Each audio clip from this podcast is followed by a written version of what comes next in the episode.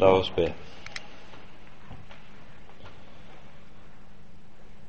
Herre du levende Gud, deg takker og lover vi for all din nåde og for all din miskunnhet imot oss, som du har vist oss i din lønn. Så ber vi, send din Hellige Ånd, opplat våre øyne, at vi kan se de underfulle ting i din lov. Amen. Som nevnt i går, så blir det da altså slik at mens vi i går hovedsakelig stanset opp for dette at den Herre Jesus er mellommannen og mellommannens rolle og betydning i det som har med soning å gjøre, så skal vi i dag konsentrere oss om selve soningen og hva det innebærer. I år 30, påsken dette året, er det vår Herre Jesus henges på et kors og soner all verdens synd. Dette er 40 år før tempelet i Jerusalem ødelegges når romerne inntar byen. Men et halvt år etter påsken i år 30 samles Israel i Jerusalem i forbindelse med den store forsoningsdagen. Og det er et utsagn fra noen av rabbinerne fra, påske, fra det som skjedde i Jerusalem denne forsoningsdagen. Der sier, sier en av de fremste rabbinerne følgende 40 år før tempelets ødeleggelse mistet ofrene sin kraft. Det var altså noe følbart som var skjedd i år 30 i Jerusalem. Forut for den tid visste folket at de ofrene som ble båret frem på den store forsoningsdagen, de sonet folkets synder. Men i år 30 var det slutt. Og dette var påtagelig så påtagelig at dette har funnet nedslag i Talmud. For nå var det endelige offer båret frem, som alle de andre ofre bare var forbildet på. Nå var det endelige offer båret frem, og så trengtes ikke mer den gamle pakts offertjeneste.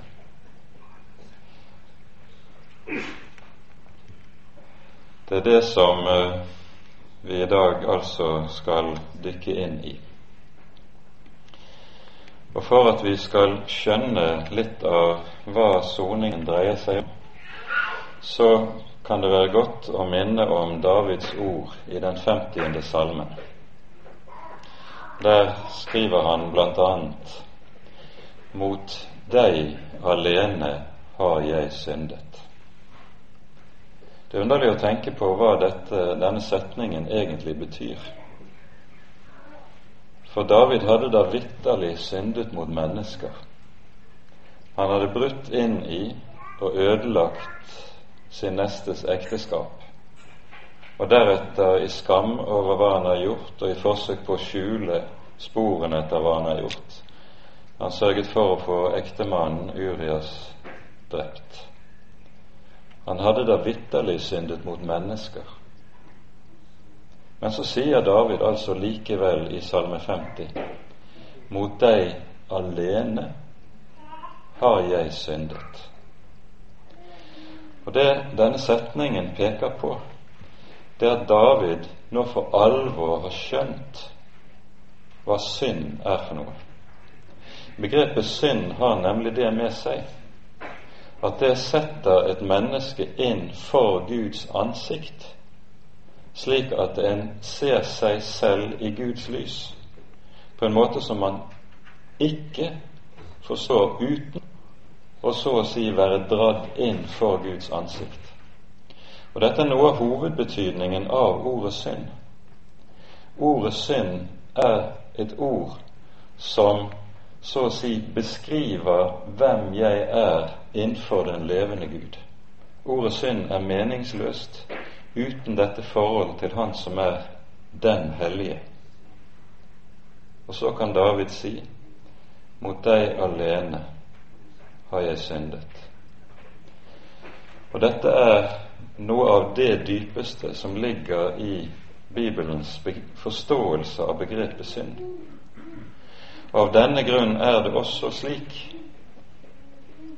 som vi hører en gjenklang av i Markusevangeliets annet kapittel, når Jesus til den verfbruddet som bæres til ham, sier 'Sønn, dine synder er deg forlatt', så tenker fariseerne ved seg selv 'Denne mann spotter Gud'. Ingen kan forlate synd uten Gud. Og når Jesus kan gjøre det, er det jo fordi han er den levende Gud. Dette finner vi en gjenklang av i Det gamle testamentet. I det, det gamle testament, Et av Det gamle testamentets hovedord for å tilgi synd, et verb som heter salar. Det er et verb som i Det gamle testamentet utelukkende brukes med Gud som subjekt.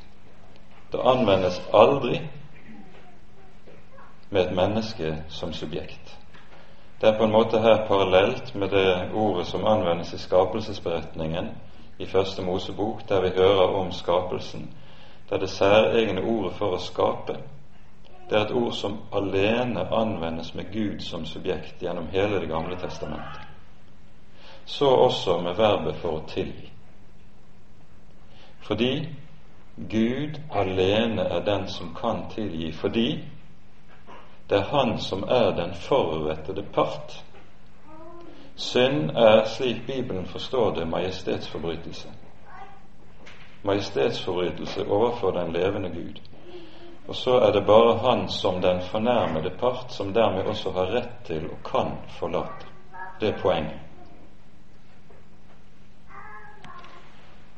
Og så minnet vi om allerede i går denne følgesetning som står gjentatt en rekke, rekke ganger i forbindelse med offerlovgivningen i Tredje Mosebok. Der sies ved hvert av de ulike syndofrene som bæres frem, således skal presten gjøre soning for dem, så de får forlatelse. Synsforlatelsen er en følge av at det skjer soning. Det som er tilfellet når det gjelder Israels liv i den gamle pakt, det er at hele folkets liv likesom er omsluttet av soningen. Det kommer til uttrykk på flere måter. For det første på den måten at både i forbindelse med et menneskes fødsel og i forbindelse med et menneskes død så skal det bæres frem syndoffer. Vi hører jo om når Jesus bæres til tempelet 40 dager gammel, så skulle foreldrene da bære frem to dueunger som offer. Eh, dueungene var et offer som de aller fattigste i landet hadde lov å bære frem. Vanligvis skulle det være to land. Men altså, den ene av disse skulle da være syndoffer som ble båret frem i forbindelse med fødselen. Min mor har unnfanget meg i synd, sier David også i Salme 51. Og i det menneskets fødsel er forknyttet sammen med menneskets synd, så skal det derfor også være slik at det bæres frem syndoffer ved hvert eneste menneskes fødsel. På tilsvarende måte hører vi også i offerlovgivningen at ved et menneskes død skal det også bæres frem syndoffer, for døden bærer med seg en urenhet som er så stor at den bare kan renses gjennom syndoffer. Så er det altså menneskets livets begynnelse og avslutning omkranses av syndofferet. På tilsvarende vis var det også slik at man har det daglige offer som skjer i tempelet i Jerusalem. Hver morgen og hver kveld skulle det bæres frem syndoffer. Et lam hver morgen, et lam hver kveld. Det kalles for det stadige offer i offerlovgivningen. Det er et syndoffer, og rabbinerne sier om dette offer følgende at morgenens offer soner for Israels synder på natten, kveldens offer for Israels synder på dagen, for at Israel alltid skal stå skyldfrie for Herrens ansikt. Dette sies uttrykkelig som et uttrykk for rabbinsk forståelse av det daglige offer. Slik at hele Israels liv er like som omkranset av denne stadige soning som skjer i tempelet. Og ved det daglige offer er det altså slik at det er lam som bæres frem. Og lammet har en særlig betydning.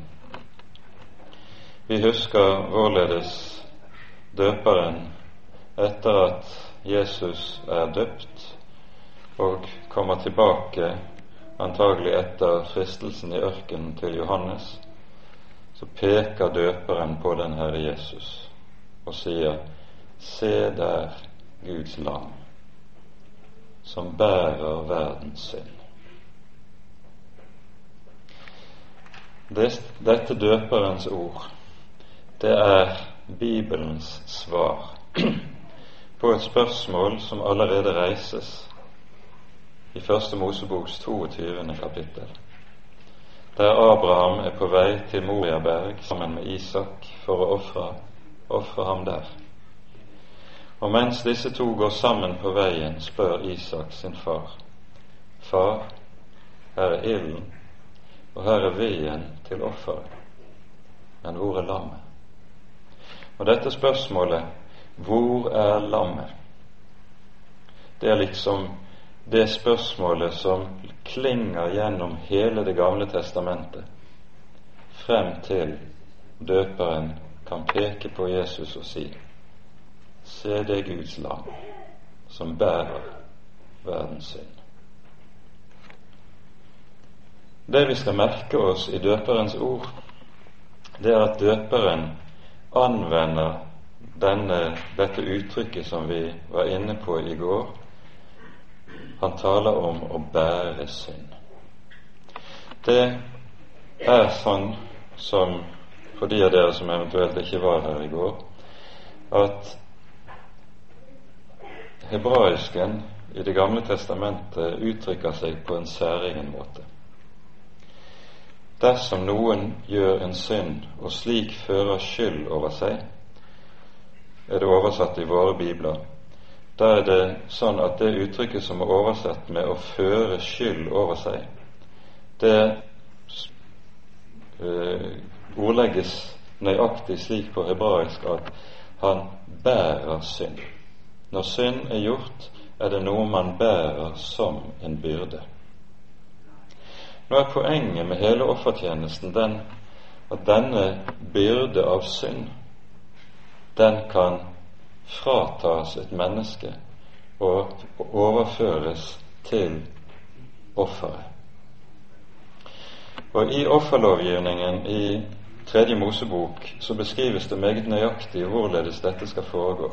Det sies dersom en mann, eller dersom hele folket, det vil være ulike typer ofringer, men felles for dette er følgende han skal bringe frem for Herren det foreskrevne offerdyr, la oss si at det er lam. Han kommer til Herrens helligdom. Presten undersøker offerdyret for å se til at offerdyret er lyteløst. Og så skal den ofrende legge hendene, begge hendene på dyrets hode og bekjenne sine synder idet han legger hendene på dyrets hode. Og Her sier den rabbinske lovgivning om dette at han skal legge hendene på dyrets hode på en slik måte at han legger hele sin tyngde på dyrets hode. Det er liksom det skal anskueliggjøres at nå overføres det en tung byrde fra synderen, og som legges over på offerdyret. Og fra det øyeblikk av så sies det om lammet at nå er det lammet som bærer synd. Det er lammet som er skyldig. Og i offerlovgivningen anskueliggjøres dette på en ganske bestemt måte. Det begrepet som nemlig anvendes om syndoffer, eller som i våre bibler er oversett med syndoffer, det betyr bokstavelig synd. Offerdyret er blitt til synd. Det er gjort til synd. Og det er dette Paulus viser til i 2. Korinterbrev i det femte kapittelet, der vi har dette sentrale ordet der Paulus skriver Han som ikke visste av synd, ble gjort til synd for oss, for at vi skal bli Guds rettferdighet i ham. Det er den nøyaktige oversettelsen av dette verset. Så han ble gjort til synd. Og her er det det som skjer med syndofferet i offerlovgivningen. Det er selve det grunnleggende forbildet. Når det nå står her et lam som er synd, for å si det så tilspisset, så må lammet dø. For syndens lønn er døden. Det er en grunnlov i Den hellige skrift. Og det som er Guds gave, det som er nådemiddelet i offertjenesten, er jo nettopp dette at dette uskyldige dyr stedfortredende lider døden for den som er, har gjort synd, som er skyldig. Offerdyret lider døden stedfortredende. Det slaktes, og slaktingen skjer da på den måten at halspulsåren skjæres over, og så samles blodet fra offerdyret opp i en skål av gull. Og i sonofferet så er det blodet som er det sentrale. Det sies uttrykkelig i 3. Eh, Mosebok 17. kapittel Jeg har gitt Se, det er Herren som sier 'Jeg har gitt dere blodet på alteret til å gjøre soning for deres sjeler'. Og det at blodet er det avgjørende i selve soningen, det kommer til uttrykk i dette at det er blodet som bæres inn i helligdommen, inn i selve tempelet. Det øvrige av offerdyret det brennes på brennofferalteret som står ute i forgården, men det blodet alene som bæres inn i helligdommen. Fordi det er blodet som har den sonende kraft. Og her er det på det vis at den sonende kraft i blodet symbolsk i den gammeltestamentlige offertjenesten kommer til uttrykk på en bestemt måte.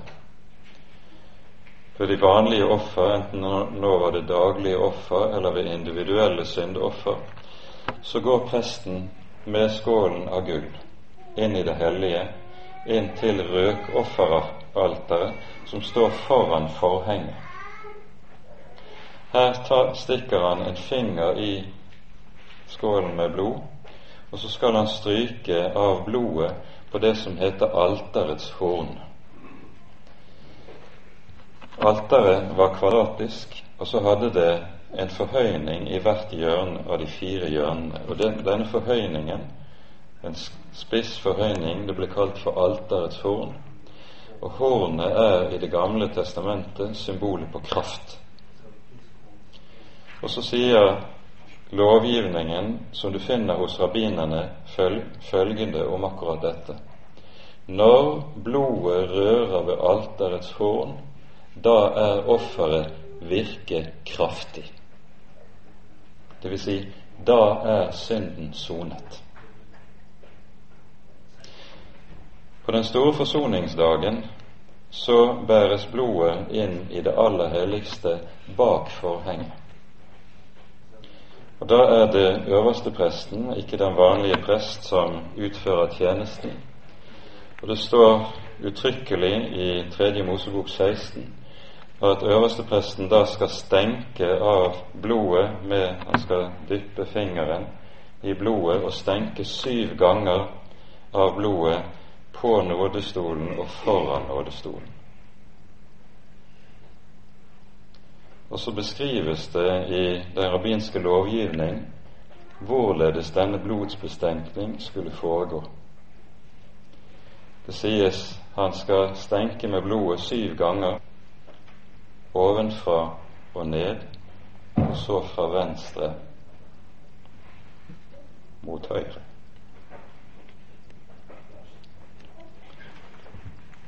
Med andre ord korsets tegn gjøres altså allerede her av Aron i helligdommen, i det skjulte bak forhenget, fra den første tid av. Og når blodet rører ved nådestolen, så er offeret virkekraftig. Det betyr at synden er sonet. Hva innebærer det? Det hebraiske ordet for å sone det kommer av en stamme på hebraisk som betyr å skjule. Synden skjules. Hvem skjules synden for? Poenget i Skriften er at synden skjules for Gud. Og det er dette som er selve underet i soningen. At Han som er den allseende Gud, den for hvem ingenting er skjult, den allvitende Gud, som kjenner deg og meg inntil grunn, kjenner oss langt bedre enn vi kjenner oss selv, kjenner dypet av mørke og uhumskheter i våre egne liv og i våre egne hjerter. Han ser alt. Alt er nakent og bart for hans ansikt. Og så sier Skriften når synden er sonet, så er den skjult for ham. Det er det det innebærer. Synden er kanskje ikke skjult for deg og for meg. Det kan være synder vi har gjort i våre liv, som stadig står for vårt minne og plager oss. Men når synden er sonet, så er den skjult for Han som er den levende Gud, som han, så han sier 'Jeg ser den ikke lenger'. Og Derfor er det David kan skrive sånn som vi hører det lyder i den eh, 32. salmen. Salig er den hvis synd er skjult, hvis overtredelse er forlatt. Salig er det menneske som Herren ikke tilregner misgjerning. For dette er soningens under. Det at Herren altså sier og lover at der synden er sonet, der ser han den aldri mer. Og det er et under. Langt større enn vi kan forstå og gripe det.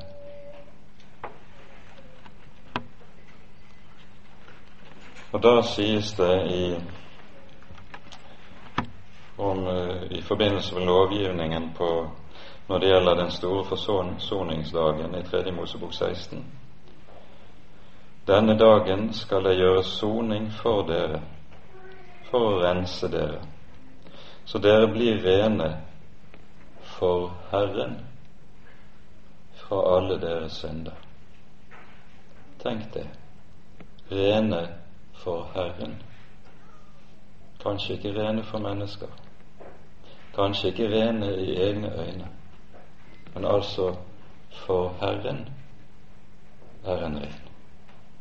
Det er det soningen utfører.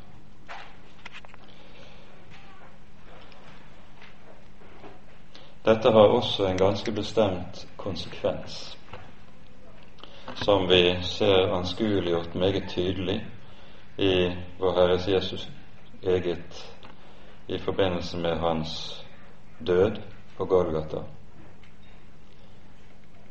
Når han ånder ut, så står det i evangeliene at forhenget i tempelet revnet i to, fra øverst til nederst.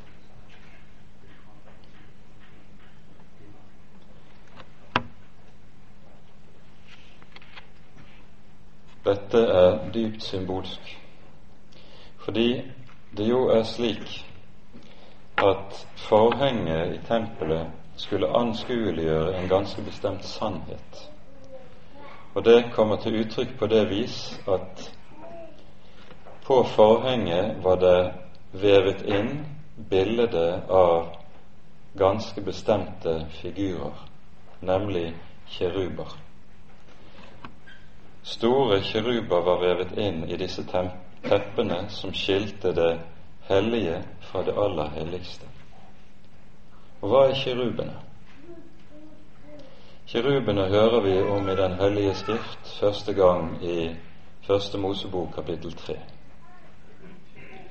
Mennesket har falt i synd, og så vises de to ut av hagen. Og Herren setter, hører vi, det står skrevet, kjerubene det luende sverd for å vokte veien, adgangen til livets tre. Og På denne måten anskueliggjør Bibelen meget tydelig at på grunn av synden så er veien til Gud, veien til himmelen, stengt. Det er en port som er lukket, og den er lukket fra innsiden. Og intet menneske kan åpne den, hvor meget det enn strever eller banker på. Porten er stengt fra innsiden, for det er den levende Gud selv som har stengt. Når Jesus ånder ut på Golgata, så skjer da det forunderlige at forhenget revner. Kjerubene tas bort, og så anskueliggjøres det, det med dette at den vei som ble stengt på fallets dag, nå er åpnet. Det som har ødelagt forholdet til Gud, det er nå tatt bort det som ble ødelagt i fallet, det er nå gjenreist ved det som skjer på Golgata. Og Dette finner nedslag i Hebreabrevet, der vi leser i det tiende kapittelet.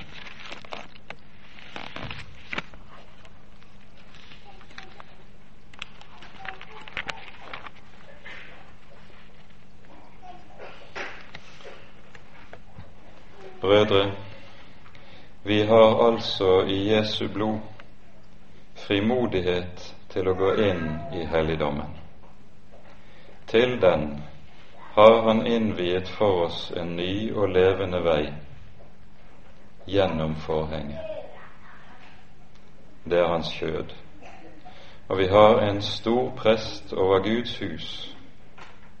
Så la oss da tre frem med sannferdige hjerter i troens fulle visshet, med hjertet renset fra en ond samvittighet og med legemet badet i rent vann. Veien er åpnet. Veien er fri. Det som ble ødelagt, er gjenreist.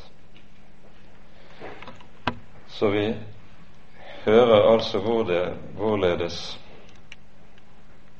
dette som skjer i tempelet i Jerusalem, det anskueliggjør helt fundamentale sannheter i Den hellige skrift.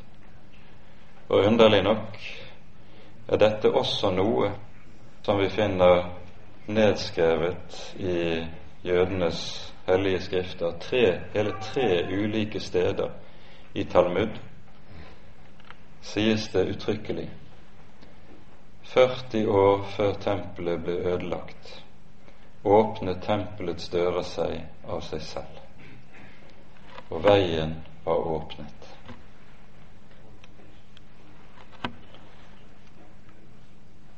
Så kan man undre seg over at det da selv dette ikke skulle føre til omvendelse hos folkets ledere. På den store forsoningsdagen var det slik at det jo var ypperstepresten som hadde oppgaven i å være den som utførte offerhandlingen. Dette også sin, er også et forbilde på det som skjer i Vår Herres Jesu liv. For hvem er det som er selve drivkraften i det å få den Herre Jesus henrettet. Det er han som er den samtidige ypperste prest i Jerusalem, Kaifas. Og når vi leser Johannesevangeliets ellevte kapittel om forvirringen blant folkets ledere etter at Jesus har vakt Lasarus opp fra de døde, hva skal vi gjøre med denne mann? For snart løper jo hele folket efter han.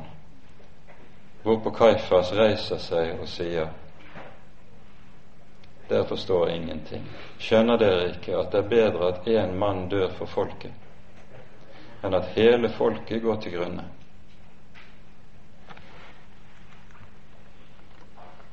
Og så blir Kaifas altså den ypperste prest som så å si bærer frem Guds lam til offer for alle verdens synder i år 30 i Jerusalem.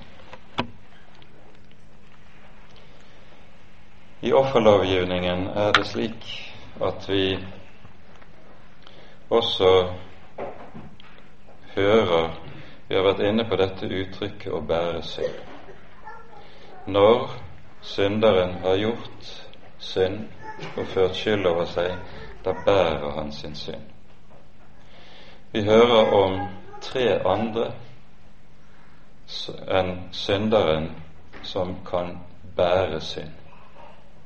For det første, slik som vi har vært inne på det, offerdyret bærer synd når synden er lagt over på det gjennom syndsbekjennelsen.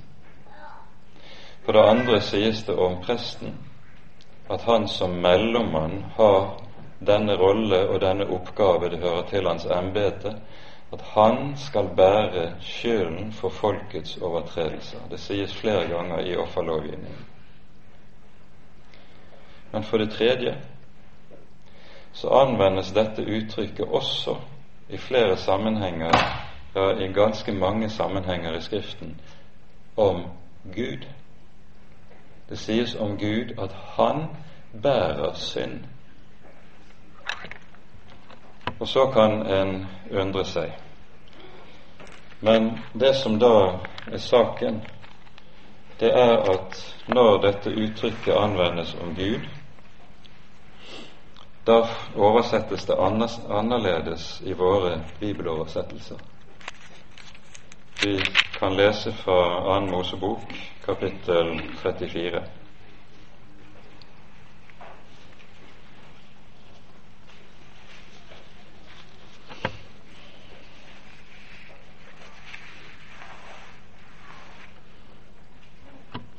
Her leser vi vers 6 og vers 7. Det er Herren som åpenbarer seg for Moses på berget, og så står det Herren gikk forbi hans ansikt og ropte Herren, Herren er en barmhjertig og nådig Gud, langmodig og rik på nåde og sannhet han lar sin miskunn vare gjennom tusen ledd. Han forlater misgjerning og overtredelse og synd. Det som her er oversatt med 'han forlater', på hebraisk står det bokstavelig 'han bærer'. Han bærer misgjerning, overtredelse og synd. Altså når Gud bærer synden, så er den forlatt. Det er selve språkbruken. Så det hebraiske språket er i seg selv en veldig sterk forkynnelse av hva det her dreier seg om. Det som vi her har vært inne på, det samles alt sammen i en sum i vår Herre Jesu Kristi person. Og her blir jo da Jesaja-bokens 53. kapittel det helt sentrale avsnittet i Det gamle testamentet. Når det taler om Han som bærer overtredelse og synd, så må vi lese herfra.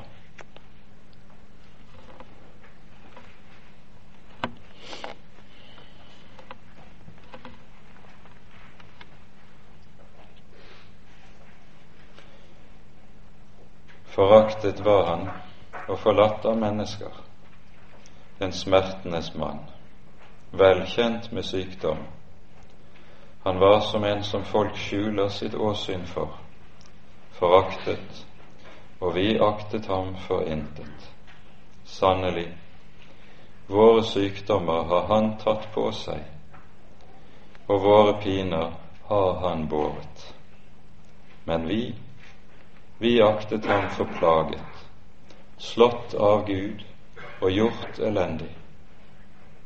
Men han ble såret for våre overtredelser, knust for våre misgjerninger. Straffen lå på ham for at vi skulle ha fred, og ved hans sår har vi fått legedom.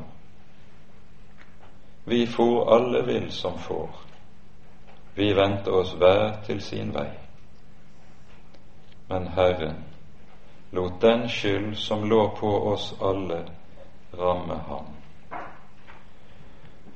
Og så møter vi i dette kapittel 53 hos Jesaja det vi kaller for offerterminologi. Hele måten dette kapittelet taler om Messias lidelse på, det er en språkbruk som henger sammen uløselig med offerlovgivningen slik vi finner den i Mosebøkene. Og Derfor hører vi også det uttrykkelig sies i det tiende verset. Det behaget Herren å knuse ham. Han slo ham med sykdom. Og når du gjør hans sjel til et skyldoffer Det sies uttrykkelig du gjorde hans sjel til et skyldoffer. Da skulle han se etterkommere og lege, leve lenge. Poenget her er at i Kristi person samles disse ulike som kan bære synd, like som i en sum. Presten var den som skulle bære synd i kraft av sitt embete. Herren Jesus Kristus er vår øverste prest. Offerlammet er det som skulle bære synd i det synden ble lagt på det med hele synderens tyngde. Jesus er lammet som slaktes. Og Gud er den som bærer synd, i betydningen av at han er den som også slik forlater synd. Og han er Gud kommet i kjød for å bære, forlate synd og gjenreise det som var ødelagt. Alt samler han i sin person. Og nettopp dette er det altså Jesaja-bokens 53. kapittel lærer med så stor kraft, med så stor tyngde.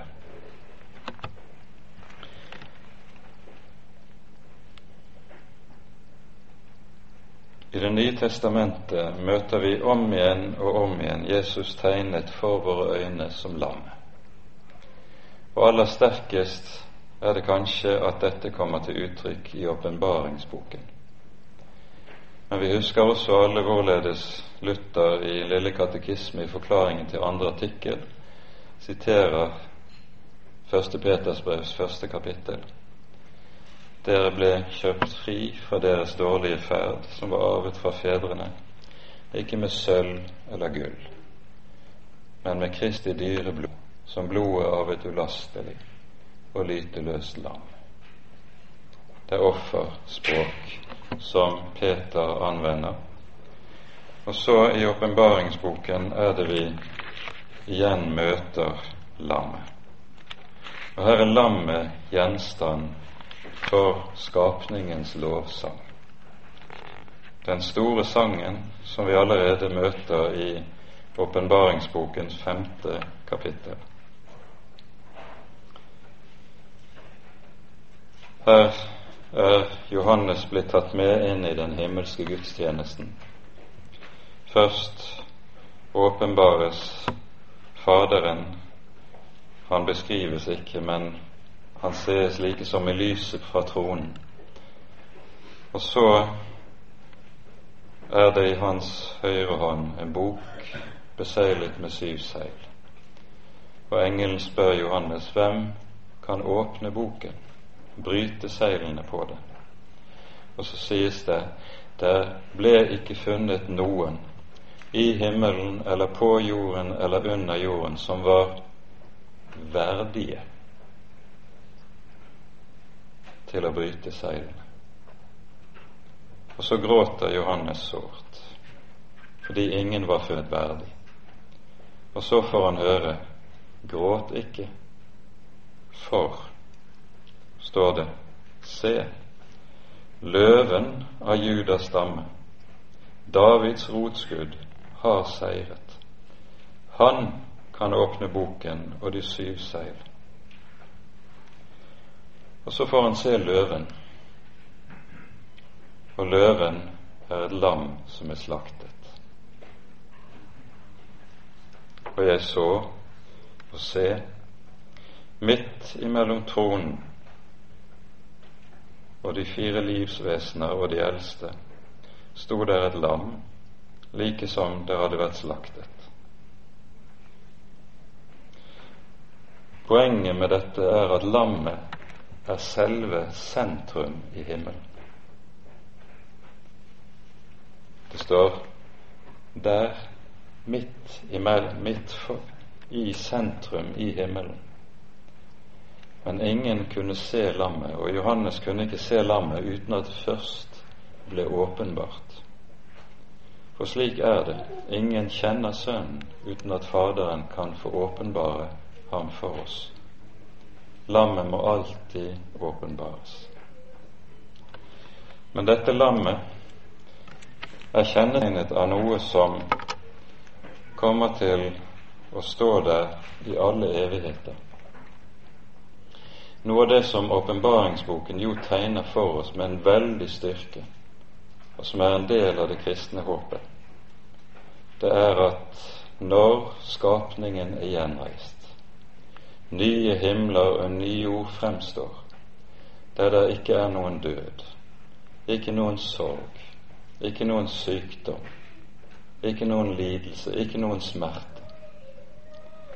Der det onde er overvunnet, og der det er slik at alle de spor som synden og det onde setter i våre liv, det er borte. Det er vasket vekk. Det finnes ikke lenger. Så er det én som bærer spor etter synden og det er lammet. Lammets sår blir stående der gjennom alle evigheter.